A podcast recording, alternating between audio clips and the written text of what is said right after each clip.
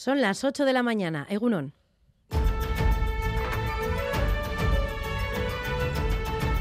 Crónica de Euskadi con Irache Martínez.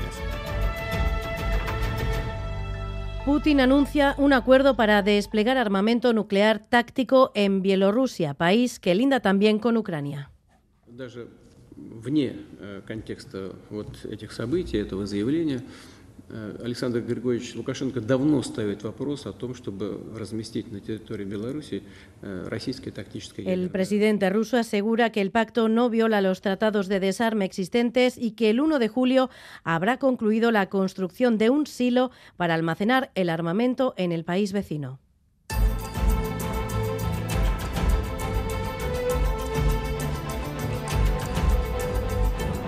Mientras tanto, Bruselas ha logrado finalmente un acuerdo con Alemania para el fin de los vehículos de combustión tras semanas de fricciones. Berlín accedía este sábado a desbloquear un pacto clave en la estrategia europea de lucha contra el cambio climático a lograr una excepción a ciertos combustibles neutros. Enseguida se lo contamos. Además, estamos prácticamente a dos meses de las elecciones municipales y forales y autonómicas en el caso de Navarra y con ese motivo EITB tenemos preparada una nueva entrega de la encuesta EITB Focus sobre intención de voto, elaborada por las empresas demoscópicas GAT3 y Gisaker. Contamos con la muestra más amplia de las publicadas hasta el momento, Manuel Manterola.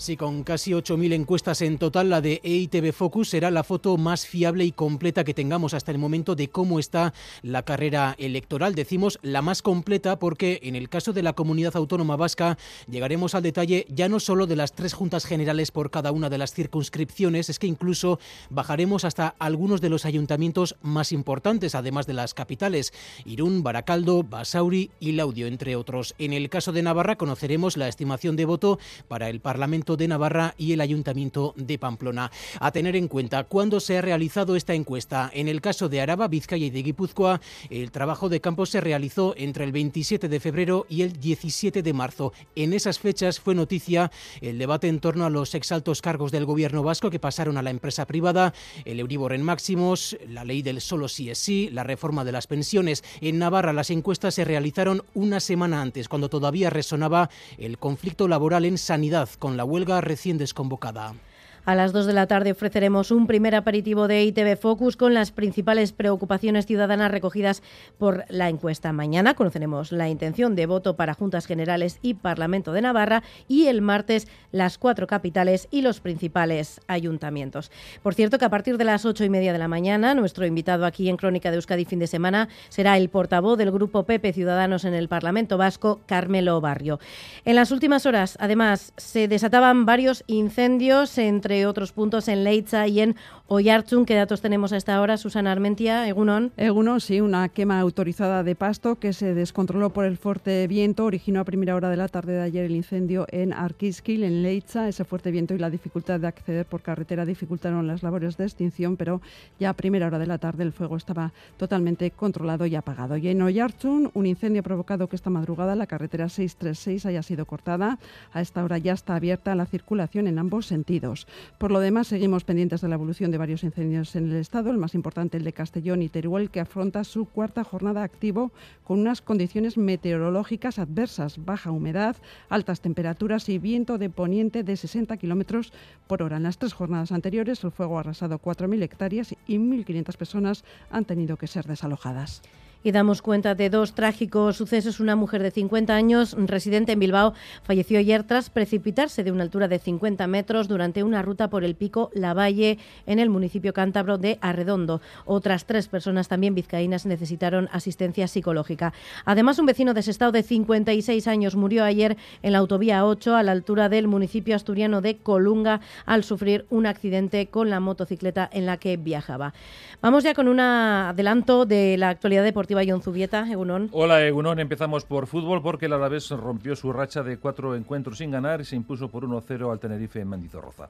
Y por su parte, el Eibar quiere llegar a los 65 puntos. Para ello debe vencer desde las 2 en Ipurúa al Andorra. Sería su sexta victoria consecutiva, algo que nadie ha logrado esta temporada. En la Liga Femenina, el Alavés recibe a las 12 en Mendizorroza al Atlético de Madrid, mientras que la Real Sociedad se medirá al Levante, tercer clasificado, a las 6. Asimismo, Kepa, Merino y Oyarzábal tomaron parte en la victoria de la selección española de Luis de la Fuente ante Noruega. En baloncesto, el Vasconi y el Bilbao Basket se enfrentan esta tarde en el Hues Arena y en la Liga Femenina el Alaski ganó por 83-52 al Ciudad de la Laguna y el Oente Guernica perdió ante el Cádiz Laseu por 58-68. En balonmano, Vidasoa ganó 25-30 al Guadalajara y el Anaitasuna empató a 29 con el Huesco. Asimismo, destacar la victoria del Veraver ante el Porriño y la derrota del Betionac ante el Málaga.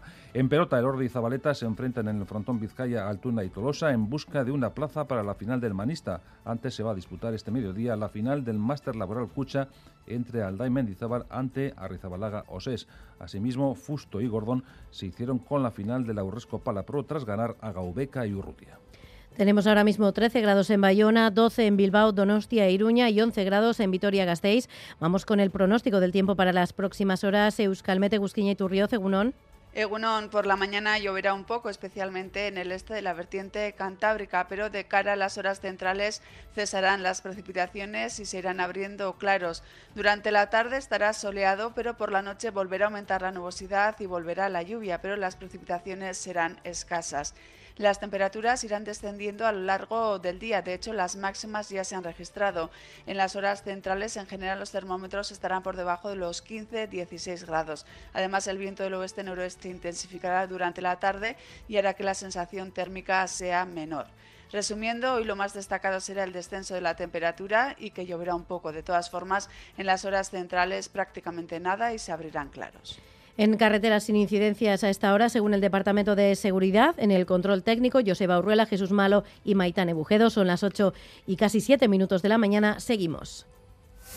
Crónica de Euskadi con Irache Martínez.